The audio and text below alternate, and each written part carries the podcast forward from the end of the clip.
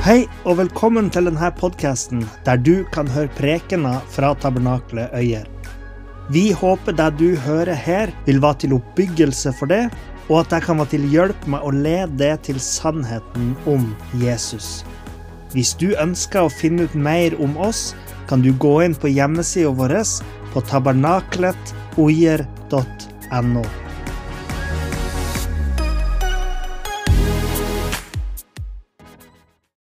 Ok, så forrige uke ja, Hvis du ikke har vært her før, så holder vi på med en prekenserie om første og andre Samuels bok, som egentlig er ei bok, men som ble delt i to eh, fordi det var ikke plass til å skrive alt på samme skriftrull. Eh, og de bøkene holder vi på med nå, og går gjennom de. Og i dag så mm, fortsetter vi denne serien. Og Forrige uke var det kapittel 11-13 som sto på menyen. og Der begynte vi å bli litt bedre kjent med denne Saul, som ble kongen i Israel. Og eh, Saul han kommer jo til å være med da, hele veien til slutten av første Samuels bok, til kapittel 31. eller hva det er. Og eh, Derfor er det samtidig litt overraskende at det var allerede i kapittel 11 at han virkelig var på topp. Klart Han gjorde mange store ting etter det òg, men det var liksom da, helt i begynnelsen av hans tid som konge, at han at han virkelig levde et rettferdig liv. Da. At han levde et virkelig godt liv, og der han, han, gjorde ting riktig.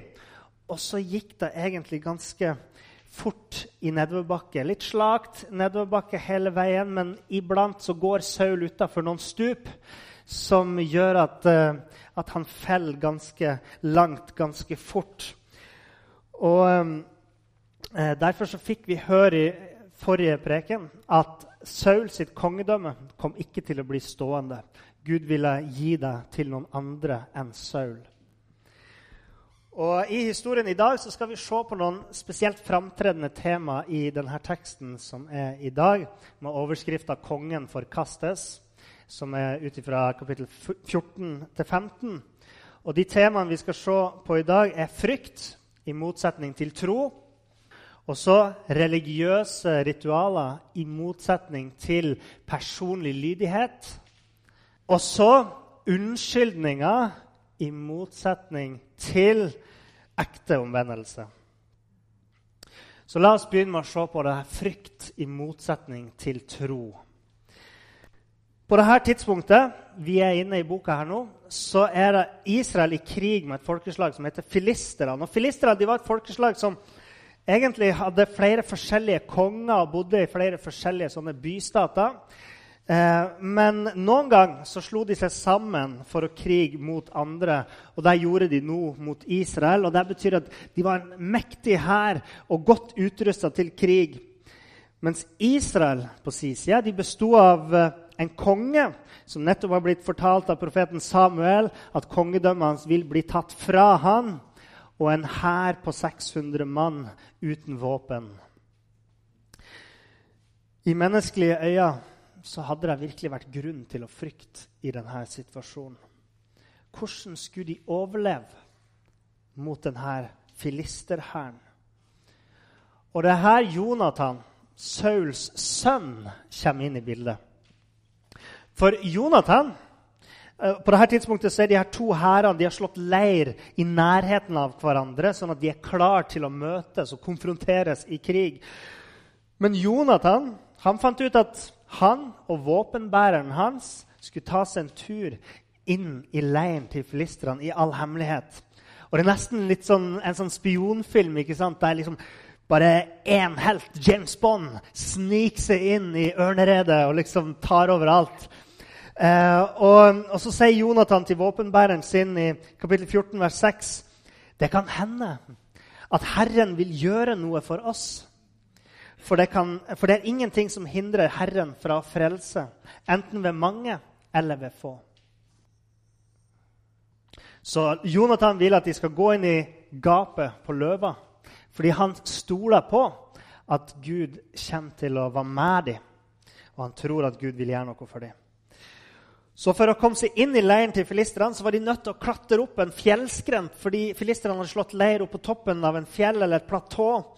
Og, eh, og, så snakker de sammen når de går opp der, og da sier Jonathan igjen i 1410.: Men hvis de, altså filisterne, sier til oss skal vi se, hvor var han. Hvis de sier til oss 'Kom opp til oss', da vil vi gå opp, for da har Herren overgitt dem i vår hånd, og da skal dette være et tegn for oss.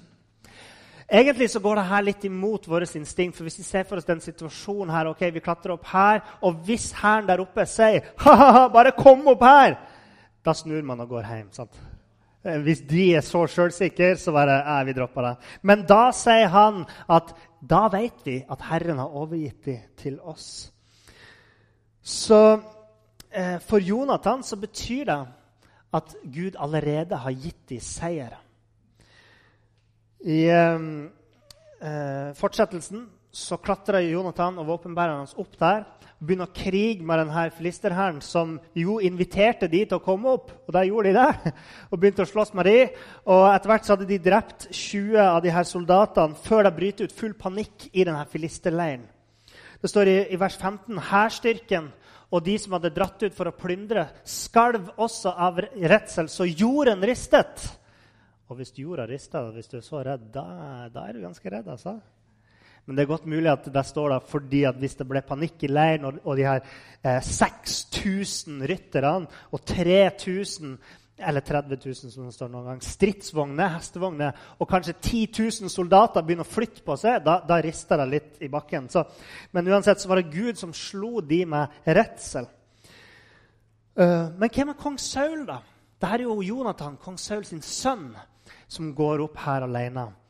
Er, hva driver Saul med, kongen? Jo, på dette tidspunktet så står det i kapittel 14 vers 2 at da satt Saul i utkanten av Gibea under granatepletreet. Saul han var helt avventende. Han var sammen med en prest som bar en sånn efod. En slags sånn brystplate som prestene hadde på presteskjorten sin, som, som ofte ble forbundet med, eh, med profetiske råd, profetiske spådommer. Så kanskje Saul han venta på et bud fra Gud. og var avventende. Men nå begynner jo eh, folkene i Saul sin leir òg å legger merke til panikken borte hos filisterne. Så de begynner å reagere på det. Men Saul han er fortsatt avventende. For når han får se at det er panikk der borte, så begynner han å tenke vi må finne ut om det er noen av oss som har reist bort der. Og så vil han finne ut hvem av de i så fall som har reist bort der. Så han tar seg tid til å ta en folketelling i hæren sin.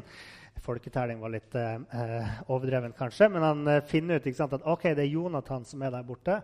Og sjøl om han får vite at sønnen sin er der borte blant tusenvis av filistere, så reiser ikke umiddelbart etter for å hjelpe han.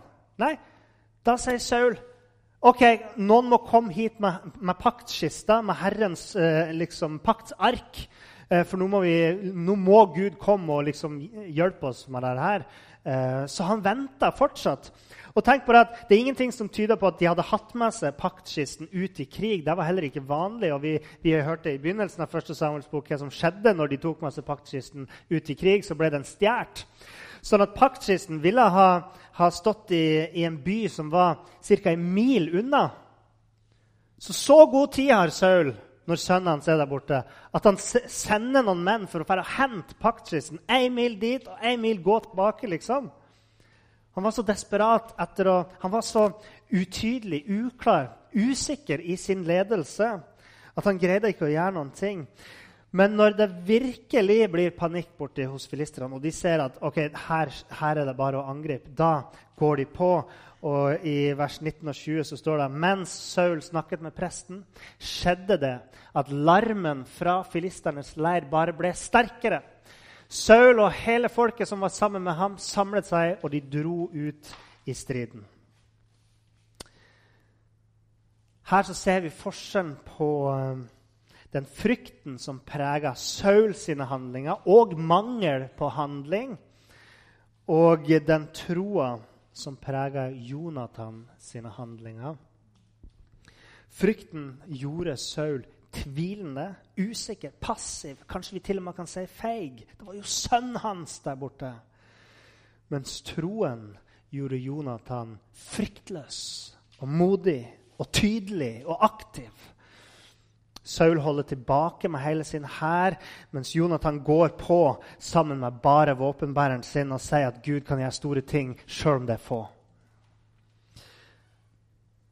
I denne oppsummeringa av Saul sitt liv i slutten av kapittel 14 der er det én ting som er påfallende manglende.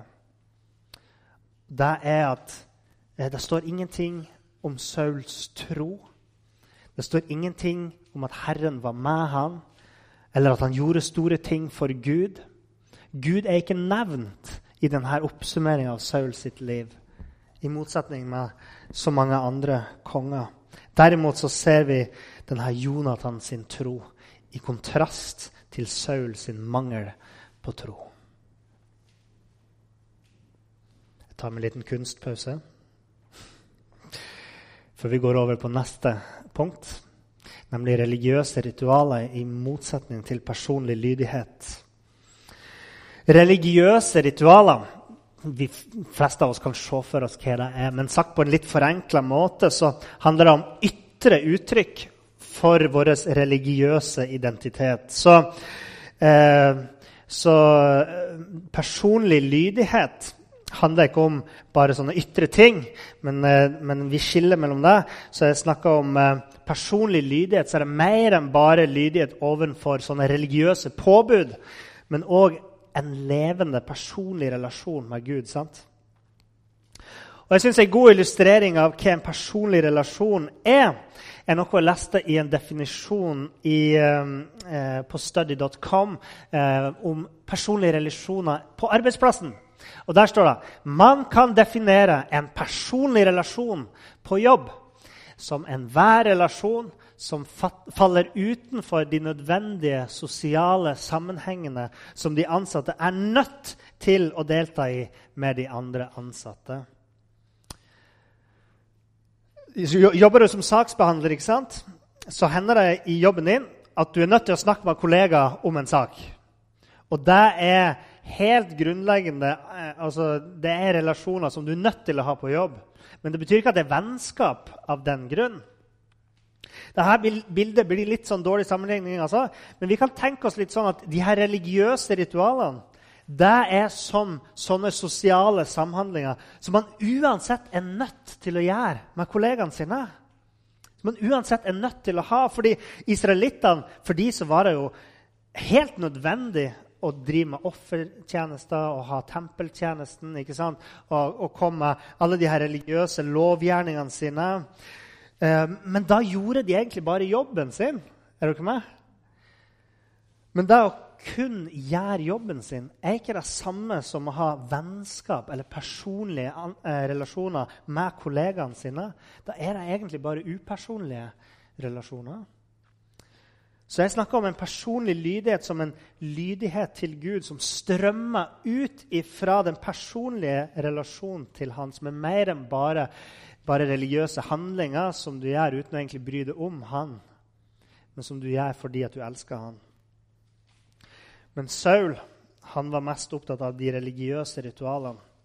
Og Flere ganger så ser vi at det var den religiøse formalismen denne, eh, denne ytre formen for religion som var viktigst for Saul. Ikke det å lytte til Samuels ord eller å følge Guds lov. Så f.eks. i kapittel 14 da, så tar eh, Saul folket og seg sjøl i noen forhastede eder. Det å avlegge en sånn ed som Saul gjør, var en ganske vanlig religiøs handling på den tida da de levde. Men problemet var bare det at Saul han gjorde ikke det her i, i lydighet til Gud. Han bare kasta de ut, liksom. Og han gjorde det ut fra en annen motivasjon. I vers 24 så står det ehm, den dagen kom Israels menn i stor nød, for Saul hadde tatt folket i ed og sagt:" Forbannet er den mann som spiser noe før kvelden, før jeg har tatt hevn over fiendene mine.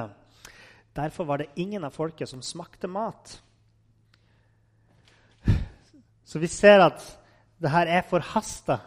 En dårlig avgjørelse av Saul å ta folket i en sånn ed. I hvert fall når han er så treg med å ta hevn mot fiendene sine. Hadde han gjort det med en gang, så hadde det vært greit. Men nå sulta folket. Men folket de tok seg mat. Og Jonathan var den første som tok seg noen ting å spise. For Jonathan hadde ikke engang hørt at faren hadde tatt folket i en sånn her ed. Og til slutt så var folket så sultne at de begynte å slakte noen eh, dyr og spiste de uten å tilberede de skikkelig, så de spiste kjøttet med blodet i. Og Saul han ville vite vet hvem som hadde gjort det her. Så I vers 39 så sier Saul nok en ed. For så sant Herren lever, han som frelser Israel, selv om den skulle være hos min sønn Jonathan, skal han sannelig dø. Den som har gjort det her, skal sannelig dø. Den første eden førte til at soldatene hans sulta og synda. Men det var pga. Saul sin dumme ed. og eh, det førte til at de brøt eden og Guds lov om eh, å ikke spise sånn kjøtt med blod i, som igjen førte til denne forhastede eden. Og når det viser seg at Jonathan har spist mat og brutt i hvert fall eden til Saul, Eh, så, så, tar Saul seg sjøl i nok en ed i vers 44. Og han sier, 'Må Gud ramme meg både nå og siden, om ikke så skjer, for du skal sannelig dø, Jonathan.' Altså fordi at Saul hadde avlagt den andre eden og den tredje eden, så var han jo nå nødt til å drepe sin egen sønn, Jonathan, for å ha brutt Saul sin dumme ed. Men det hele ender faktisk i at Saul sparer Jonathan sitt liv. Fordi at Saul han frykter folket. For folket var fullstendig uenig med Saul. Folket så denne dårskapen til Saul. Og Det betyr egentlig at Saul han bryter sin egen ed. Eh, men det betyr egentlig at han frykter folket mer enn Gud. For hvis vi tenker på hva han sa i denne eden sin til slutt Må Gud ramme meg både nå og siden. Men han gjør det ikke. Han frykta folket mer enn han frykta Gud ut fra sin egen ed. Men folket de ville at Jonathan skulle leve fordi folket hadde sett at Jonathan hadde hatt Guds hjelp når han gikk og angrep de her filisterne alene sammen med våpenbæreren sin. Og Igjen så ser vi hvordan Saul drives av frykt, og her frykt for å trosse sine egne soldater. Og I alt det her så er det Saul som er problemet. De var jo i hælene på filisterne på dette tidspunktet. da. Så hadde de så hadde de drevet dem på, på, flukt etter at Jonathan gikk inn i leiren der. Det ble panikk, og sånt, og så angrep eh, Israel, israelittene til slutt. Og da var de på flukt. Men her, pga. at de kasta bort tid på de her edene til Saul, så får filisterne mulighet til å komme seg vekk. Og midt oppi alt det her så bestemmer Saul seg for å bygge et alter for Herren, der folket Eh, eh, der soldatene skal komme og ofre de her dyrene på en skikkelig måte. Så Det tar de seg tid til. Han tar seg også tid til å begynne å spørre Gud om råd om de skal angripe filistrene eller ikke. Men Gud velger å ikke svare Saul. For det burde ikke være noe poeng for Saul å engang spørre Gud. De har jo sett at Gud var med Jonathan når han gikk. Så klart er Gud med. Saul kasta bort tida si. Saul hadde ikke en personlig lydighet til Gud. Han tjente seg sjøl. Og vi får en pekepinn på det i vers 24, hvor det sto det at Forbannet er den mann som spiser noe før kvelden, før jeg har tatt hevn over fiendene mine, sier Saul. Altså Saul han ser på det her som sin kamp, som resulterte i de her kraftløse religiøse ritualene. Men Jonathan og forfatteren av boka de så på det her som, eh, som Guds kamp. I vers 10 så sa Jonathan eh, at eh, For da har Herren overgitt dem i vår hånd. For da har Herren overgitt dem. Det er Herrens kamp. Og forfatteren av boka skriver i vers 23.: Slik reddet Herren Israel den dagen. Samuel han eh, konfronterer Saul med hans fokus på religiøse handlinger og sier i, eh, i vers 22 at um, har Herren ja, 15, 22, har Herren like stort velbehag i brennoffer og slaktoffer som i lydighet mot Herrens røst? Se, Lydighet er bedre enn slaktoffer, og lydhørhet er bedre enn fett fra værer. Gud han vil ha en personlig lydighet, ikke bare sånne døde og kraftløse handlinger som vi, som vi bare gjør. De her tingene taler òg til oss. Sjøl om vi kanskje ikke kaster akkurat rundt oss med eder og offer, og sånne ting, så, så, kan det være at vi setter religiøse handlinger framfor den, den, levende relasjonen med Gud noen gang. At Bibel, bønn, fine ord og gode handlinger tar plassen for en helhjerta lydighet til Gud som kommer ut fra, fra eh, vår kjærlighet til Gud og vår kjærlighet til medmenneskene rundt oss. Vi kan òg finne oss på samme sted som Saul, der tvil og ja, usikkerhet får oss til å stå på stedet hvil. Der vi bare venter og venter på råd fra Gud. At vi bare ber og ber. 'Å, kjære Gud, nå må du vise meg hvor jeg skal gå.' 'Gi meg et kall, Herre.' I stedet for å gjøre som Jonathan og bare gå i tro. For Herren er med oss der vi er. Og det er ikke alle mennesker som får et tydelig kall. Men da er vi nødt til å bare stole på at Herren er med oss. Og Jonathan hadde ikke et stort kall fra Gud, men han trodde at hvis han gikk, da kunne Gud gjøre noe stort for dem. Så den siste tematikken som er veldig framtredende i disse kapitlene, er unnskyldninger i motsetning til ekte omvendelse. I kapittel 15 så kommer Gud til en klar beskjed til kong Saul gjennom Samuel. De skal utøve Guds dom over amalekittene, som lenge har vært fiender av Israel, og som har uh, vært nådeløse i sin behandling av israelittene helt, helt siden de kom til det her Kanans land. Og Gud sa at alle amalekittene skulle utslettes. Til og med dyrene skulle utslettes. Og Israel angriper de, vinner over de, men sparer kongen, kong Agag, og de beste dyrene blant folket. Så Israel angriper, vinner over de, sparer noen fra dette folket, kongen og dyrene, i motsetning til det Gud hadde sagt. Og Samuel han fikk eh, høre fra Gud at Saul hadde vært ulydig.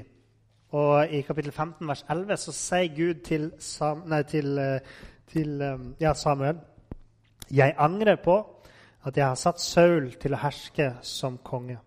For han følger ikke meg lenger, og han har ikke latt mine ord stå fast.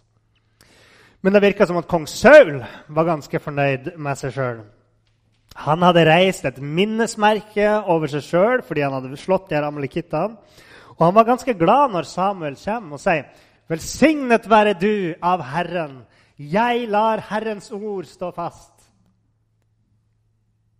Gud sa til Samuel, han har ikke latt mine ord stå fast. Men i Saul sitt sjølbedrag så tror han at han har gjort det som Herren vil. Men Samuel avslører Saul. Og hva var det som avslørte Saul? Jo, det var lyden av sauer som breka. Og dere vet det kanskje ikke, men sauer de kan ikke holde på hemmeligheter. Men alle sauebønder vet at sauer de holder altså ikke på hemmeligheter. De er så dårlige. Men Samuel han sier bare i vers 14.: Hva skal det da bety at sauer breker i ørene mine, og at jeg hører okser som rauter? Når Samuel konfronterer Saul, eh, så kommer Saul med unnskyldning etter unnskyldning. Og En teolog som heter Tim Chester han jeg synes det var veldig bra, han identifiserer fem unnskyldninger her. Unnskyldning nummer én. De har tatt det med fra amalekittene, for folket sparte det beste av sauene og oksene. Det er lett å gjøre det som virker bra i våre øyne. For eksempel så hender det jo at noen folk synes at kristnes holdninger er helt idiotisk, eller til og med umenneskelig. Det betyr kanskje først og fremst at de ikke helt har forstått bakgrunnen for de holdningene, de lovene og budene som Gud har gitt. Men like fullt så er det mange kristne som blir frista til å gjøre det alle de andre synes er best. Men den menneskelige vilje er dessverre ofte langt ifra Guds vilje. Og det er jo den guddommelige viljen vi skal etterstrebe og leve etter. Unnskyldning nummer to. Men jeg har lytt Herrens røst.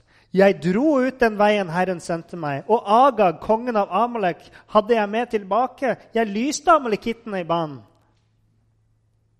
Delvis lydighet. Kan vi kjenne oss igjen? Ja, jeg har kanskje forlatt kona mi og familien min, men jeg har i det minste ikke skilt meg fra dem. Ja, jeg har ikke tilgitt han fyren som, som stjal fra meg, men jeg har da i hvert fall ikke tatt hevn. Gud ber oss ikke om delvis lydighet. I mange tilfeller der Guds ord er tydelig, så er delvis lydighet ofte det samme som ulydighet. Unnskyldning nummer tre. Men folket tok. Men folket tok jo Vi har hørt at eh, barn har sagt det, og vi sier det alle sjøl. Men alle de andre gjorde det først, så jeg tenkte Eller at vi peker fingeren på andre hvis de konfronterer oss og sier Men du òg har jo gjort sånn en gang i tida. Jeg kan hjelper hjelpe deg. Vi sier du synda jo for 20 år siden, så da kan jo jeg gjøre det i dag. Vi er ikke kalt til å være sånn som alle de andre. Å si at vi synder bare fordi alle andre gjør det, eller peker på folk som vi synes burde fremstå enda bedre, og så sier vi men han er en hykler, da trenger i hvert fall ikke jeg å følge etter noen ting. Så det viser bare at man unnskylder seg akkurat som et barn gjør, og at vi fortsatt trenger å omvende oss. Unnskyldning nummer fire for å ofre det til Herren din Gud. Samuel sier, 'Men jeg gjorde det jo for Gud.' Jeg tok jo og sparte de her dyrene, for jeg tenkte er det ikke bedre at jeg gir det til Gud? He? Men vårt motiv med handlingene våre selv om det er bra å ha gode motiv med det vi gjør, så er det ikke sånn at det endrer utfallet av de valgene vi tar. Og synd gjør oss til syndere. Uansett om vi gjorde det med gode hensikter eller ikke. Spesielt hvis vi ikke setter Guds hensikt først. Ekte omvendelse er å vende seg bort fra synden. Den siste unnskyldninga Jeg fryktet folket og hørte på dem. Her innrømmer Saul at han hadde større frykt for folket enn for Gud. Men frykt for andre, hva andre vil tenke om oss, hva andre vil kanskje til og med gjøre mot oss hvis vi gjør det riktige, er ingen unnskyldning. Verken Gud eller vi har bruk for unnskyldninger. Ingen er tjent med våre unnskyldninger. En ekte omvendelse kommer når vi slutter å unnskylde oss, slutter å unnskylde våre synd og bekjenne at vi har synda fullt og helt at vi trenger Jesus til å bære våre byrder, våre synd og våre skam med seg på korset. Vi ser at det er en sammenheng mellom de her negative kvalitetene. Frykt, religiøse ritualer og unnskyldninger er alle manifestert i denne personen Saul. De knyttes sammen i han. Han drives av frykt. Han er mest opptatt av ritualene, og han kommer bare med unnskyldninger. De her er karaktertrekkene til en person som ikke kjenner Gud, og som ikke stoler helt på Gud. De er markører på en person som er redd for å miste ansikt, redd for hva andre vil tenke om han, redd for å fremstå som svak, og som stoler på sine egne gjerninger. De kvalitetene finner vi hos Saul. Og Derfor så ville Saul miste sitt kongerike og velsignelsen som Gud hadde gitt ham. Og eh, makta som Gud hadde gitt ham, hadde gått ham til hodet. Og Det er derfor han faller, og han er på vei ned stupet. Så det er det som gjør at eh, Samuel kommer til han og sier at Gud har forkasta det. som konge. Gud vil rive fra det kongeriket ditt. Hvis dere vil lese om det, så les kapittel 15. Men på den andre sida så er Jonathan den forbilledlige personen i denne historien med sin tro og sin personlige lydighet til Gud. Og jeg tenker at Jonathan kan peke oss framover eh, mot Jesus, som viste oss den optimale lydighet. Den, han var lydig helt til døden. Han viste en urokkelig tro, at han turte å gå til korset i tillit til sin far i himmelen. Jesus selvsagt trengte ingen unnskyldninger og heller ingen omvendelse fordi Jesus var syndfri. Men for oss som er i Kristus, og som ønsker å være i Kristus, så er òg ekte omvendelse nødvendig. Å bøye våre kne framfor Gud og bekjenne våre synd til Han. Det er noen vanskelige spørsmål i eh, kapittel 15 eh, som eh, jeg ikke har tid til å snakke om her. Ehm, det er to spørsmål. Nå er egentlig preken min ferdig, altså, men jeg vil si det her. Etter møtet i dag så skal jeg ha en liten bibeltime der jeg går gjennom to spørsmål um, som kanskje noen av dere har tenkt på, noen har kanskje ikke tenkt på det, men for mange er det her vanskelige spørsmål. Det første er bedriver Gud folkemord pga. det han gjør, eller ber israelittene om å gjøre? Det andre spørsmålet er kan Gud angre? For det står at Gud angra på at han gjorde Saul til konge. Så for alle Vi skal ikke inn på den nå, eh, Rune, men for alle som har tid og har lyst, så kan dere være her etter møtet. Vi tar en liten pause, og så får dere lufta dere litt. Og så eh, skal jeg ha en liten halvtime her etterpå. Så. Herre Far, jeg takker deg for ditt ord eh, som har kommet til oss i dag. Eh, jeg ber om at du skal hjelpe oss til å, å slutte å komme med unnskyldninger for det hele tida. Slutte å, å, å, tro at du syns at ting, ting, vi gjør, er greit bare fordi det ene og bare fordi det andre. Uh, hjelp oss til å se forbi våre handlinger og, og, kjenne at det er ikke våre handlinger som eh, lar oss komme til det, men det er det at vi, vi, faktisk har en personlig lydighet til det, Herre Far, som gjør at vi kan komme framfor det. La oss ikke drives fram av frykt, la oss ikke motiveres av frykt for andre mennesker. Men, eh, men la oss finne våre styrker og tillit i det, og la det være motivasjon for det vi gjør. I Jesu navn.